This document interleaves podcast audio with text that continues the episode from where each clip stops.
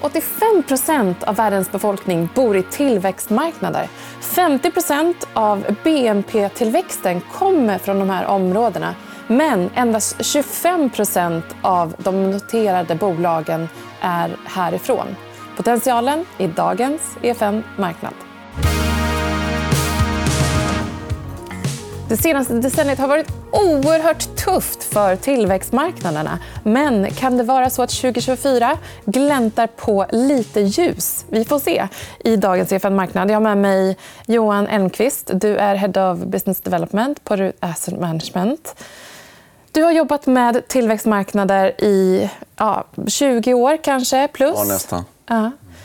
Vad är det mest dramatiska som har hänt på dessa år som du drar dig till minnes? Jag menar, vi upplever ju oss finansiella marknaderna som ganska skakiga och turbulenta just nu. Jag flyttade till Moskva 95 och så bodde jag i Moskva i, i två år. Flyttade hem 97. Och så kom Thailandskrisen först. Och jag tog inte så jättemycket notis av det, för liksom, Ryssland levde sitt eget liv. Men sen när det här sprider sig och blir liksom en global emerging market-kris, eller ja, finansiell kris överhuvudtaget med long term capital och allting. Och ryska marknaden går ner över 90% på ett år. Oktober 97 till oktober 98, det var ju oerhört dramatiskt för mig som individ. Mm. Och men, men annars... boende där också, tänker jag. Nej, då hade jag flyttat hem, men jag, hade ju, jag jobbade med Ryssland mm. dagligdags. Men sen eh, Lehman-kraschen det var ju också oerhört dramatiskt. Då satt jag och förvaltade och vi fick enorma utflöden varje dag. Då blir man också väldigt påverkad av att behöva liksom sälja varje dag för att få fram eh, kontanter till kunderna som sålde sina fondandelar. Ja, men det förstår jag verkligen. Jag kommer också ihåg var jag befann mig. Eh, Lehman, kanske jag bodde i London då. Eh, det är ju ett om vi tittar på liksom datapunkten och tittar historiskt. Vi har en graf som, eh, som illustrerar det här också. Så ser vi att eh, det har varit ett tufft årtionde egentligen mm. för de här tillväxtmarknaderna. Samtidigt som potentialen borde finnas där. Ehm, vad, vad, säger du nu inför 2024? Jag menar, Kina är en tung eh, spelare och och har tufft ekonomiskt med en fastighetssektor som eh, inte riktigt eh, har stabiliserats? Det vi ser i grafen är de fem största tillväxtmarknaderna i, i MSCI-index. Och, och ser man tydligt den mörkblåa linjen Kina har gått mycket sämre än de andra fyra. Och Kina har inte lyckats få igång ekonomin ordentligt efter covid. Det, det haltar fortfarande. Eh, och, och, Det är väl det främsta skälet. Men sen finns det ju geopolitik i det här också. Det är inte bara att eh, Kinas ekonomi inte riktigt kommer igång. Det, det definitivt efter covid, men även stoppet i Suezkanalen gör att många bolag i hela världen letar att ha ett alternativ och inte lägga all produktion i Kina. Det påverkar också Kina negativt när de letar efter... Men om man då tittar på en exponering mot tillväxtmarknaderna så är det inte per automatik att man får en väldigt stor exponering mot Kina? Hur kan, man liksom, hur kan man titta på det? Om man ser att det är spännande vad som händer i de här delarna men Kina är en utmaning. Så är det. Om, man köper eh, index bara, MSCI eh, Emerging Market, då får du ungefär 30% Kina. Så det är den absolut största marknaden. Så går Kina dåligt så kommer den fonden ha problem. Men genom att investera i en aktiv förvaltare då behöver du inte få den här jättehöga Kina-andelen. Den förvaltaren kan ju välja att ha en lägre andel i Kina och, och, och kanske favorisera andra marknader. Det är mycket Asien i de här eh, i, i tillväxtmarknaderna. Vi har Sydkorea, vi har Indien som ändå har en, en någorlunda skaplig utveckling i jämförelse med de andra. Eh, och vi har eh, Eh, eh, Taiwan såklart. Men sen har vi också Brasilien. Som, eh, har du några liksom, spännande tankar runt utvecklingen i de här regionerna? Generellt så är det ju... Eh, om de som inte har sett Hans Rosling när han berättar om vad som händer i de här länderna så rekommenderar jag verkligen det. Tar vi Indien som ett exempel, så de sista 15 åren så har över 400 miljoner människor lämnat extrem fattigdom. Och Det är den här starka trenden som finns i många av de här länderna. Och Det driver ekonomisk tillväxt. De har befolkningstillväxt, urbanisering, de anammar ny teknik snabbare än vad vi har gjort själva. Och de som kommer ut i arbetslivet är bättre utbildade än sina föräldrar. Hela det här skapar en positiv cirkel som skapar produktivitetsvinster och hög tillväxt. Och det gäller för de flesta av de här. Så Indien, långsiktigt är ju Indien jätte, jätteintressant marknad och kommer ju i något läge överta Kina som, som den största. Mm. Och det är ju också så att om vi tittar på eh, BNP-tillväxten för kommande år och den prognosen som IMF lägger så är det ju... Eh, vi backar ju från i de utvecklade länderna. Ekonomen, ekonomierna krymper, men det sker en fortsatt tillväxt i bland annat Indien. Tittar man på konsensussiffror så, så tror ju de flesta att vi får en liten acceleration i tillväxtmarknader i tillväxt. Så snittet kommer att vara ungefär 4% och den utvecklade världen kanske ligger på 1% i reala termer. Och... Så det är inte så att efterfrågan från oss i de utvecklade marknaderna är det mest kritiska? Jag tänker om vår efterfrågan nu minskar framåt. Det finns en väldig kraft i de här ekonomierna. Som igen går tillbaka till Indien. Så med, med de 400 miljoner människor som, om vi går efter FNs definition, har någon... Eh, de kan spendera nåt mer än mat för dagen det får effekter i ekonomin för att de är så otroligt många. Och så börjar de och, och ja, köpa sin första mobiltelefon, sin första tv och så vidare. Det här får ju effekter i ekonomin. Mm. Eh, vad är det då som talar för tillväxtmarknader just nu? Jag tycker att det är spännande att faktiskt grotta ner i, i detta.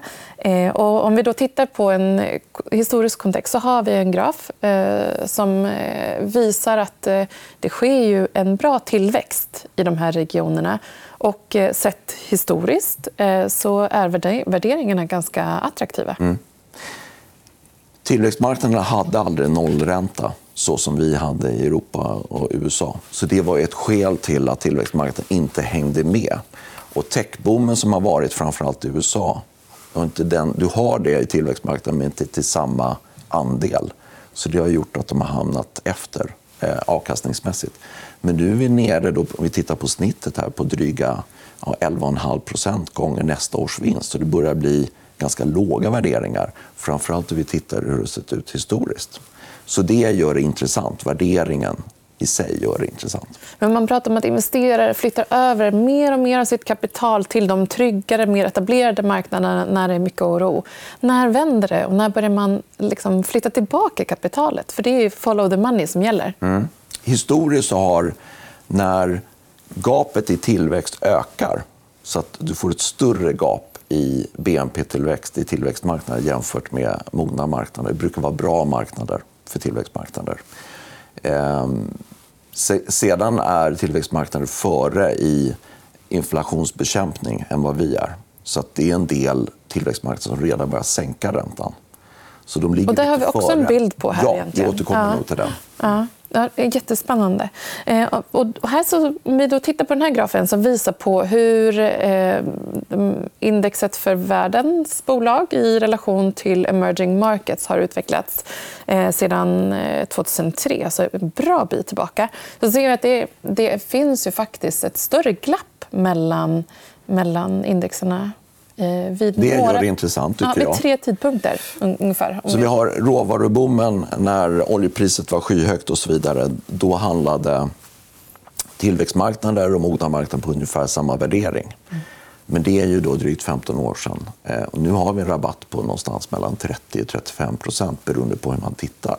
Men det är en historiskt ganska hög rabatt. Så att jag som följer marknaden dagligdags jag tycker att tillväxtmarknaden har blivit helt bortglömt. Eh, jag minns ju liksom tiderna när Skagen hade rubriker i tidningen varje dag. Så är det inte nu. Eh, så att de flesta tror jag har väldigt lite exponering mot tillväxtmarknaden. Det i sig gör det intressant. För att om det är för många som inte äger det och så börjar det röra sig uppåt, ja, men då, då kommer investeringarna att komma. Mm. Eh, det enda som, eller inte det enda, men ett orosmoln som jag kan tänka mig att investerare har det är ju den politiska polarisering som sker just nu. Eh, där alla håller andan för att se vad, vad kan bli nästa konflikt som blossar upp. Det är ekonomiskt hämmande för alla eh, i, i att Eh, utgifterna för, eh, eller militärutgifterna ökar i hela världen. Det är negativt för tillväxt. och Det är klart det kommer att vara negativt för tillväxtmarknader också. Men det finns andra drivkrafter, som i grafen som vi har här. att Tillväxtmarknader generellt var väldigt tidiga på att höja styrräntorna. Och därmed så ligger de också tidigt nu och sänka, vilket kan stimulera. Och tittar man på Kina, de har ju tidigare haft en hård gräns i hur stort budgetunderskott de kan ha på 3% Men de har lyft det nyligen till 3,8 Så Kina kommer under nästa år stimulera mycket mer än vad de gjort historiskt. Och de har jättelåga räntor. Noll inflation i princip. Tioårsräntan i Kina ligger på under 3% Så det är en annan eh, miljö än vad vi ser hos oss där vi liksom fortfarande bekämpar inflationen. Ja, det är väl lite olika marknader där. Om man tänker I Sydamerika så har de haft en, hö en högre problematik med inflation eh, medan Kina inte har haft den eh, utmaningen. Eh, men om vi då tittar på vad det får för konsekvenser som du, om, du, om vi fortsätter det resonemanget eh, och då Kina behöver stimulera i en tid när vi vill hålla tillbaka. Vad kan det resultera i? Vet inte exakt hur de kommer att gå tillväga. De har ju en fastighetskris att hantera också. Så en del av stimulanserna kommer säkert att vara kopplade till eh, att ge stöd för att familjer ska kunna köpa sin första bostad och så vidare. Och indirekt understödja fastighetssektorn, kan jag tänka mig. Men säkert kommer det vara andra saker som försöker stimulera den domestika ekonomin nu när exporten eh, inte, delvis av eh, geopolitiska skäl inte går lika så starkt. Mm. Ehm, det är otroligt intressant eh, resonemang som vi var inne på tidigare med eh, den egna konsumtionen. Eh, det är inte bara ett hopp i att människor faktiskt generellt får det bättre i de här länderna. Det är fantastiskt. Mm. Men också att det bidrar till ekonomisk tillväxt. Vilka typer av bolag är intressanta att faktiskt plocka i de här marknaderna? Om vi tittar på konkreta aktiecase. Jag har tagit fram tre bolag som man som privatperson i Sverige kan köpa hos nätmäklare. till exempel. Eh, och jag vill betona att det är ingen aktierekommendation, men mer för att exempliggöra vad är det för typ av bolag. Och jag tycker då att det är extra roligt att lyfta bolag som kanske inte är de traditionella råvarubolagen utan någonting annat. Så vi har eh, Mercado Libre i Brasilien, till exempel, som är ett, ett Amazon i Brasilien men egentligen över hela Latinamerika. Otroligt spännande bolag. Ser inte så billigt ut om man tittar på det. Och aktien har gått väldigt bra i år. Men det är ett exempel på att det som har funkat i utvecklade marknader fungerar även i tillväxtmarknader. Mm. Eh, det är ett ganska så stort bolag någonstans. Eh. Brasilien har också varit intressant eh, utifrån fintech. vet jag. Ja, så det mindre bolaget då, som är mer ren fintech eh, heter eh, PagaSeguro. Eh, och, från början började det som ett rent fintechbolag och för knappt fem år sedan så öppnade de en bank som heter Pagbank. Och de definierar sig själva som en neobank. Att utmana de etablerade bankerna när nästan all kontakt med kunden sker online. växer otroligt fort. Eh, intressant detalj kring Brasilien att bara varannan brasilianare har ett kreditkort. till exempel. Mm. De har inte lånat så mycket. Eh, så Det är en otroligt spännande miljö att vara i. Och då att vara fintech också, så rör du dig snabbare. Du blir inte så kapitaltung. De har väldigt bra avkastning på, på sitt kapital i det bolaget. Mm. Så det går att hitta bolag i så, de här länderna. Så distribution, och post och paketleveranser och så vidare och försäljningsplattformar som Amazon. Vi har fintech, eh, där helt plötsligt så hittar, får man når man ut till en helt ny målgrupp som är helt obearbetad egentligen, utifrån finansiella tjänster. Mercado Libre har precis löst det. Att eh, du ska kunna få snabb leverans om du eh, beställer över nätet. Så har de löst det så att det går väldigt fort. Så egentligen kopierat Amazon.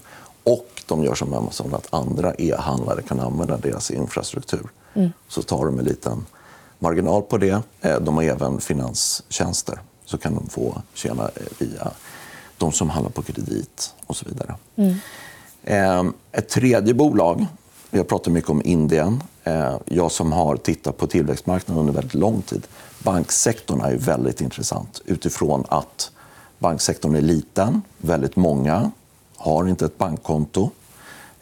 Så att investera i en bra bank som är välskött så kan du få en multipeleffekt på... Om det går bra för landet så kommer det gå ännu bättre för banksektorn. Så ett exempel på det då är HDFC i Indien. Indiens största privatägda bank. Det är en familj som driver banken. Eh, de har ungefär 20% marknadsandel i Indien. Ja, det är en bra marknadsandel. Mycket bra. Och anammar teknik. Så de är duktiga på internetbank. De stor, stora konkurrenterna är statligt drivna banker som inte rör sig lika fort. De här är väldigt innovativa, rör sig snabbare. Och fler och fler, jag berättade siffran över 400 miljoner indier som har lämnat extrem fattigdom. De öppnar bankkonto. De tar sitt första kreditkort. Och så kommer de in i, i, i banksektorn. Mm. Så på så vis får en inte bara 5% tillväxt som BNP växer, utan det kan växa mycket snabbare. Mm, intressant. Och om, om man då tittar på andra eh, sektorer utöver, utöver fintech och eh, e-commerce och distribution, logistik? Jag tog fram ett fjärde bolag. Som, man, som svensk är det ganska svårt att köpa. Det, det, det är listat i, i Kina. Eh, Cattle. Och det är inte boskap på engelska, utan det stavas C-A-T-L. Och de är störst i världen på batterier till elbilar. De har nästan 40% världsmarknadsandel. Och det här är 40 världsmarknadsandel. Oh, wow. Det är för att elbilar är så stort i Kina. Mm. De ligger väldigt långt före. Vi, det, vi hade ju en, bara för några veckor sedan här, när det här programmet sänds när eh, Volta Trucks gick eh, i konkurs på grund av att de inte kunde... Ja, men de fick inte till leveransen av batterier från... Så det här är då en mer stabil aktör eh, in, inom... Eh, Mycket av försäljningen, jag tror någonstans 70-75% av deras försäljning sker i Kina. Och de, resten så är det väldigt mycket försäljning i Asien. Eh, men det finns en annan del. som Det är det vi köper idag. Det är liksom batterier till elbilar. Men ungefär 20% av deras affärer idag är eh, energilagring. Och det är ju oerhört intressant utifrån perspektivet att vi bygger mer förnyelsebart. För att kunna verkligen växla upp och bygga mycket, mycket mer förnyelsebart måste vi lösa lagringen. Och det tittar det här bolaget på. Så det är väldigt kittlande så för framtiden. Värderas någon 18 gånger nästa års vinst. Så relativt låg värdering med den tillväxt de har. Mm. Så Kina-rabatten har blivit ganska stor. Då kan man köpa spännande bolag i Kina till intressanta nivåer. Mm, ja, spännande att följa om de lyckas väl med den eh, satsningen på energilagring. Det är många som vill in där. Tack så jättemycket, Johan, för att du Tack var med i dagens EFN Marknad. Eh, tre spännande segment som du kan grotta ner dig i där hemma. Tack för att du var med och lyssnade idag. och Vi är tillbaka om ett par dagar. Ha det bra. Du har lyssnat på EFN Marknad, en podd som produceras av EFN Ekonomikanalen. Du hittar programmet även i videoformat på Youtube och på efn.se. Kom ihåg att prenumerera på podden och följ oss gärna på Instagram för fler aktietips. Där heter vi EFN Aktiekoll. Ansvarig utgivare är Anna Fagerström.